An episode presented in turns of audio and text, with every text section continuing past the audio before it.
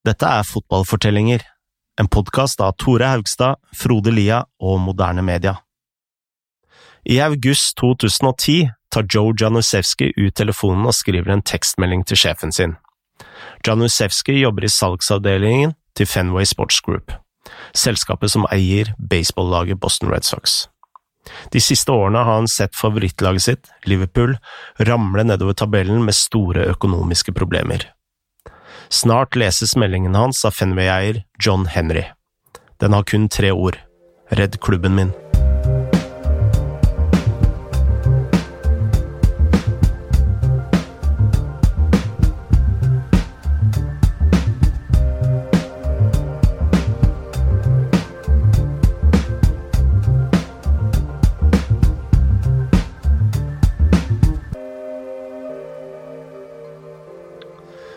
En gård i Illinois på 50-tallet sitter en gutt og hører på baseballkamper på radio.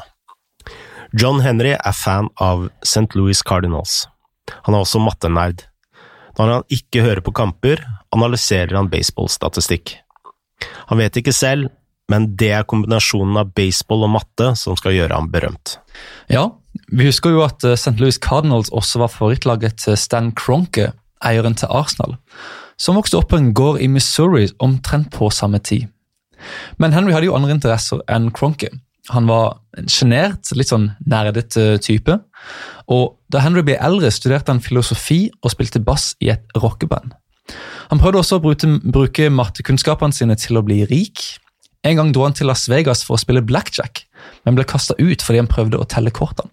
Litt som uh, Rainman, med andre ord? Litt som Rainman. Uh, og Dette skaper jo et bilde av Henry som en kald og litt sånn kalkulert herremann, som hele tida prøver å finne matematiske systemer som kan gi han gevinst over lang tid. Han prøver i praksis å lure systemet. Da Henry var 25 år, skjedde det noe dramatisk, Tore. Uh, faren hans døde. Mm. Og Henry han vokste opp på landet og arva nå familiens, eller farens gård. Og dette ga han interesser som var eh, utenfor uh, baseball. Ja, nå drev Henry på en måte sin egen bedrift, og han begynte å se nærmere på aksjer og nyttegjenstander. Først begynte han å investere basert på egne meninger og magefølelser, som de fleste gjør. Men så innså han at han kunne bruke sine evner som matematiker til å ta bedre avgjørelser. Og vendepunktet skulle ha skjedd her i Norge, faktisk? Ja, litt rart. I 1980 skal Henry ha dratt på sommerferie til Norge med sin første kone. Der skal han ha utvikla en modell som fant trender på råvaremarkedet. Noe som ville hjelpe han til å ta bedre avgjørelser i fremtida. Året etter begynte han et eget selskap som ga råd til tradere, og i løpet av det neste tiåret ble han styrtrik på denne måten. Men vi snakker ikke om en sånn eh, typisk Gordon Gekko-type her. Han eh, elsker fortsatt eh, baseball, og snart begynte han å se på hvordan han kunne investere i sport. Og vi har snakket med Joshua Robinson, en journalist fra The Wall Street Journal, som har skrevet bok om eierne i Premier League kalt The Club. Vi spurte ham om hvordan Henry brukte pengene sine. He was, he was a trader on Wall Street, and you know, you don't have to make a I would say an amount of money that is crazy by Wall Street standards to then turn that turn around and spend it on sports. Um, he was like you know like a lot of people in America who operate who move in that world successful in his very narrow corner of uh, of investing and trading um, and built up a fortune over many years he's he's not young John Henry and then turned it around and invested it in the uh, a number of, of properties that didn't just include sports. At one time, there was they were investors in the New York Times, and uh, anyone who makes that kind of money on Wall Street will have a pretty firm grasp of statistical modeling. På 90-tallet ble Henry stadig mer eh, involvert i sport. I 1991 kjøpte han aksjer i The New York Yankees, tidenes klart mest eh, suksessrike baseball-lag. Og i 1999 kjøpte han Florida Marlins. Tre år senere solgte han det laget og kjøpte et nytt et. Det het Boston Red Sox. Ja, det var her eh, Henry danna selskapet som nå heter Fenway Sports Group.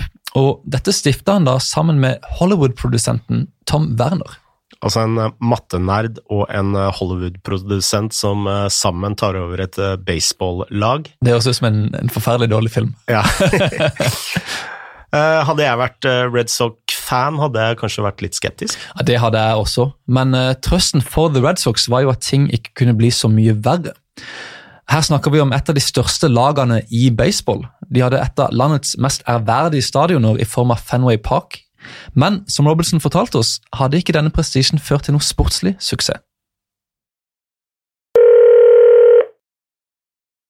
the Red Sox, when John Henry took over, were at a point of some, I would say, some desperation. Um, they had previously won a World Series in 1918, and a, a whole uh, world of legend had grown around this. Uh, they talked about a curse in Boston, and thought that there was they needed a new way to think about running a baseball team um, to get there and that that's where John Henry comes in. Robinson eh, snakker her om en forbannelse. Hva var det den gikk ut på? Altså, jeg er ikke noen ekspert på baseball, men jeg fant ut at uh, The Red Sox gikk på en skikkelig smell tilbake i 1918, altså året da de vant serien. Da solgte de Babe Ruth til erkerivalene The New York Yankees. Og man trenger ikke være besatt av baseball tror jeg, for å vite at Ruth ble en av tidenes beste spillere. Med ham på laget vant uh, The Yankees år etter år, og The Red Sox hadde jo nå gått 84 år uten å vinne noen ting. Robinson eh, sa også at eh, The Red Sox eh, trengte en ny måte å tenke på. Altså, John Henry kom jo ikke fra det klassiske baseballmiljøet hvor alle gjorde ting på samme måte. Nei, du kan si at han kom inn med et litt annerledes perspektiv enn de som liksom var fastsatt i baseball sin måte å, å gjøre ting på. Riktig. Og, og det er her begrepet moneyball kommer inn i bildet. På denne tida fungerte baseball litt som fotball. Du hadde en daglig leder, altså en såkalt general manager, som avgjorde hvilke spillere som ble kjøpt og solgt. Treneren tok seg av selve laget, og så hadde du speiderne som reiste rundt og lette etter talenter og røverkjøp. Dette var jo miljøet i de profesjonelle baseballklubbene.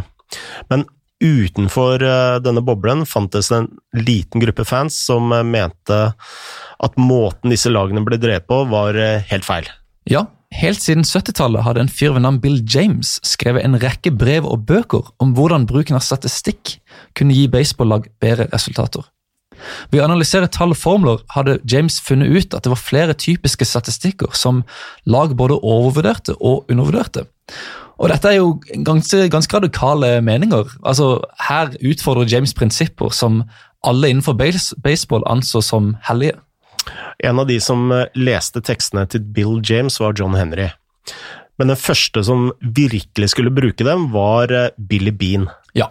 Bean var den daglige lederen i Oakland Ace, et av de fattigste lagene i amerikansk baseball. Og økonomi har jo mye å si i baseball, som i de fleste andre sporter. Altså, Er du laget som betaler mest i lønninger, så får du som oftest de beste spillerne. Og hvis alle følger den samme modellen, så er det jo de rikeste som vinner. Bean visste altså at han måtte gjøre noe annerledes for å uh, komme seg fremover. uh, så han brukte det altså statistikk for å finne spillere som egentlig var langt bedre enn det folk flest trodde. Det er en veldig vanskelig oppgave. Altså Om en spiller er god eller ikke, som eh, Messi og Sadio Mané, kan alle se helt greit. Ja, altså, det er liksom ikke noen Det er ikke mange hemmeligheter, da. Uh, Iallfall ikke i fotball. Men i sport så finnes det jo alltid noen unntak, og Bean visste dette. Han fant ut at mange av baseballspillerne var undervurderte fordi de hadde en eller annen kvalitet som ikke så så bra ut. Kanskje var en spiller litt tjukk, en annen spiller løp litt rart, en kasta ballen med på en veldig rar måte. Og om en typisk speider så dette, ville han fort si at nei, nei, nei, nei, nei dette ser ikke ut som en toppspiller. Men selve statistikken viste ofte at disse spillerne faktisk var i veldig veldig høy klasse. Alle feilene som øyet ble lurt av, hadde ingen praktiske konsekvenser på banen. Med andre ord var eh, kalde og harde tall en langt bedre målestokk for eh, prestasjonene enn subjektiviteten til eh, speiderne. Ja, og arbeidet til Bean ble jo beskrevet i en bok som ble utgitt av Michael Lewis i 2003, som ble kalt Moneyball, altså dette prinsippet. Dette ble igjen til en film med Brad Pitt i rollen som Billy Bean. Og I denne filmen er det en scene hvor Bean har et møte med sine speidere, like før denne draft-runden, hvor laget kan velge nye spillere før sesongen. Det er jo en veldig morsom eh, scene. Disse speiderne sitter rundt eh, bordet og diskuterer hvilke spillere de skal hente. Og noen av kriteriene de bruker, eh, er jo helt hinsides. Mm. La oss spille av en liten snutt fra filmen. He's noticeable. Got an ugly girlfriend. What's that mean? Ugly girlfriend means no confidence. Okay. Må bare si her at uh, Når denne teorien blir lagt frem i scenen, legger Brad Pitt hånda over fjeset i ren fortvilelse. Han er, han er bare sånn her oh, Come on! Hva er det her for noe? Ja, det er jo helt utrolig at det var slik baseballagene baseballlagene opererte. Ja. Og det var sikkert sånn uh, fotballklubben også opererte og kanskje opererer fortsatt. Ja, sikkert mange som fortsatt gjør det. Um, og Bean da, han, altså I virkeligheten, Bean hørte på hvilke navn disse speiderne foreslo, men han var jo totalt uenig. og I stedet så refererte han til Paul Di Podesta, en ung geek han hadde blitt henta fra universitetet, som satt med en laptop og siterte ulike statistikker som visstnok var undervurderte.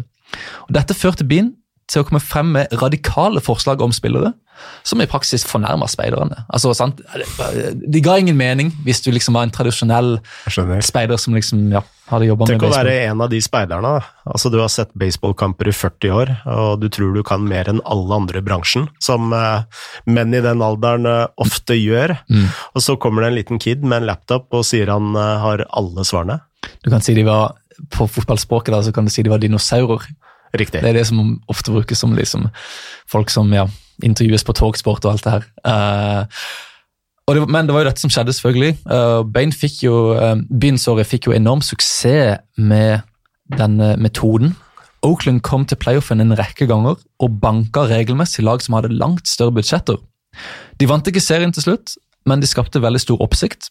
Og Da Louis ga ut boka Moneyball i 2003, fikk dette enorm oppmerksomhet. Man skulle jo tro at disse prinsippene snudde baseballmiljøet på hodet umiddelbart, men i stedet nektet eierne og de daglige lederne å endre strategi. Ja. Um, de aller fleste var um, for konservative egentlig til å innse at Moneyball virkelig fungerte. Det var nesten for radikalt. Um, men det var jo et unntak. John Henry hadde ikke bare fulgt James og Bean sitt arbeid. Altså, Hele Moneyball-konseptet var jo akkurat det han hadde gjort for å bli rik på Wall Street. Han hadde brukt en formel og analysert statistikk for å lure systemet. Mm. Uh, og I boka Moneyball siteres Henry om dette konseptet. Han skriver at både i finans og i sport påvirkes folk av meninger og ensidighet. Så sant du kan fjerne begge to og erstatte dem med statistikk, har du en klar fordel. Henry vet altså at Moneyball er nøkkelen. Han tar over The Red Sox i 2002, og hva er det første han gjør? Hva hadde du gjort? Jeg hadde prøvd å hente Billy Bean. ja, det var det han gjorde. Uh, Henry tilbyr Bean mer penger enn det noen andre noen gang hadde fått for å drive et baseballag.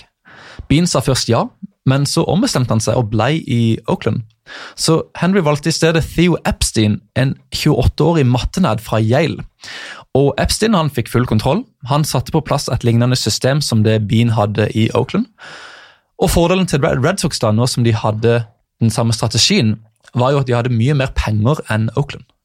Og denne kombinasjonen gjorde Red Sox veldig sterke. La oss høre fra Joshua Robinson om hva som skjedde videre med Henrys lag. He brings a moneyball approach, but also su supplements it with Uh, some big spending in key areas of the team. They picked up some some smart free agents, um, and in that time, not just broke the curse by winning the 2004 World Series, but won further World Series behind that and became one of the, the most powerful baseball teams of the decade. Um, and none of that was a coincidence. It was a product of smart investment, valuing uh, a statistically driven approach, and finding the right mix of characters. Boston Red Sox eh, vant serien i 2004, 2007, 2013 og 2018. Ganske gøy suksess. Henry har vært, eh, som du sier, en rimelig stor suksess som eier i den baseballklubben. Men han, han hadde jo ingen planer om å bli involvert i fotballen, men i 2010 fikk han altså en tekstmelding fra Joe Janusewski som tryglet ham om å redde Liverpool. Ja, og Liverpool var jo i skikkelig trøbbel på denne tida. De hadde blitt kjøpt av to amerikanske forretningsmenn, Tom Hicks og George Gillette jr. Disse hadde jo lova gull og grønne skoger, for så å gi klubben en gjeld på 350 millioner pund, som kosta Liverpool mer enn 30 millioner pund i renter i året. Dette høres jo veldig likt ut som det Glazer-familien eh, gjorde i Manchester United.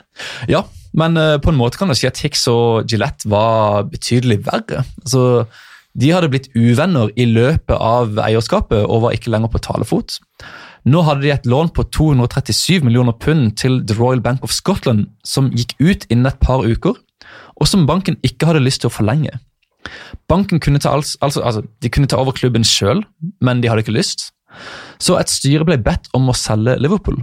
og om noen kunne vise banken at de hadde nok penger til å kjøpe klubben, kunne styret tvinge Hicks og Gillette til å selge.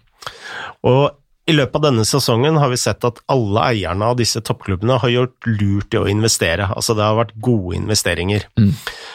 Klubbene har økt enormt i verdi i løpet av de siste 10-15 årene, og nå som Liverpool var til salgs, så Janusewski en mulighet til å gjøre et kupp. Han gjorde det. Det var ikke sånn at han liksom sa til Henry at jeg kommer og redde klubben min og ta på meg så penger. Altså, Dette var sound business, som det heter. Mm. Janusewski mente at Liverpool var en av verdens fem største merkevarer, og at problemet var at det liksom ikke hadde blitt markedsført skikkelig. Han pitcha dette til Henry som en enorm mulighet. Henry var interessert, han. Og To måneder senere hadde Fenway kjøpt Liverpool for 300 millioner pund. Noe av det første Henry sa som eier av Liverpool, var at uh, vi er her for å vinne. De neste årene skulle han prøve å bruke moneyball-prinsippet innen fotball, men uh, som vi skal se i neste episode, ble det alt annet enn enkelt.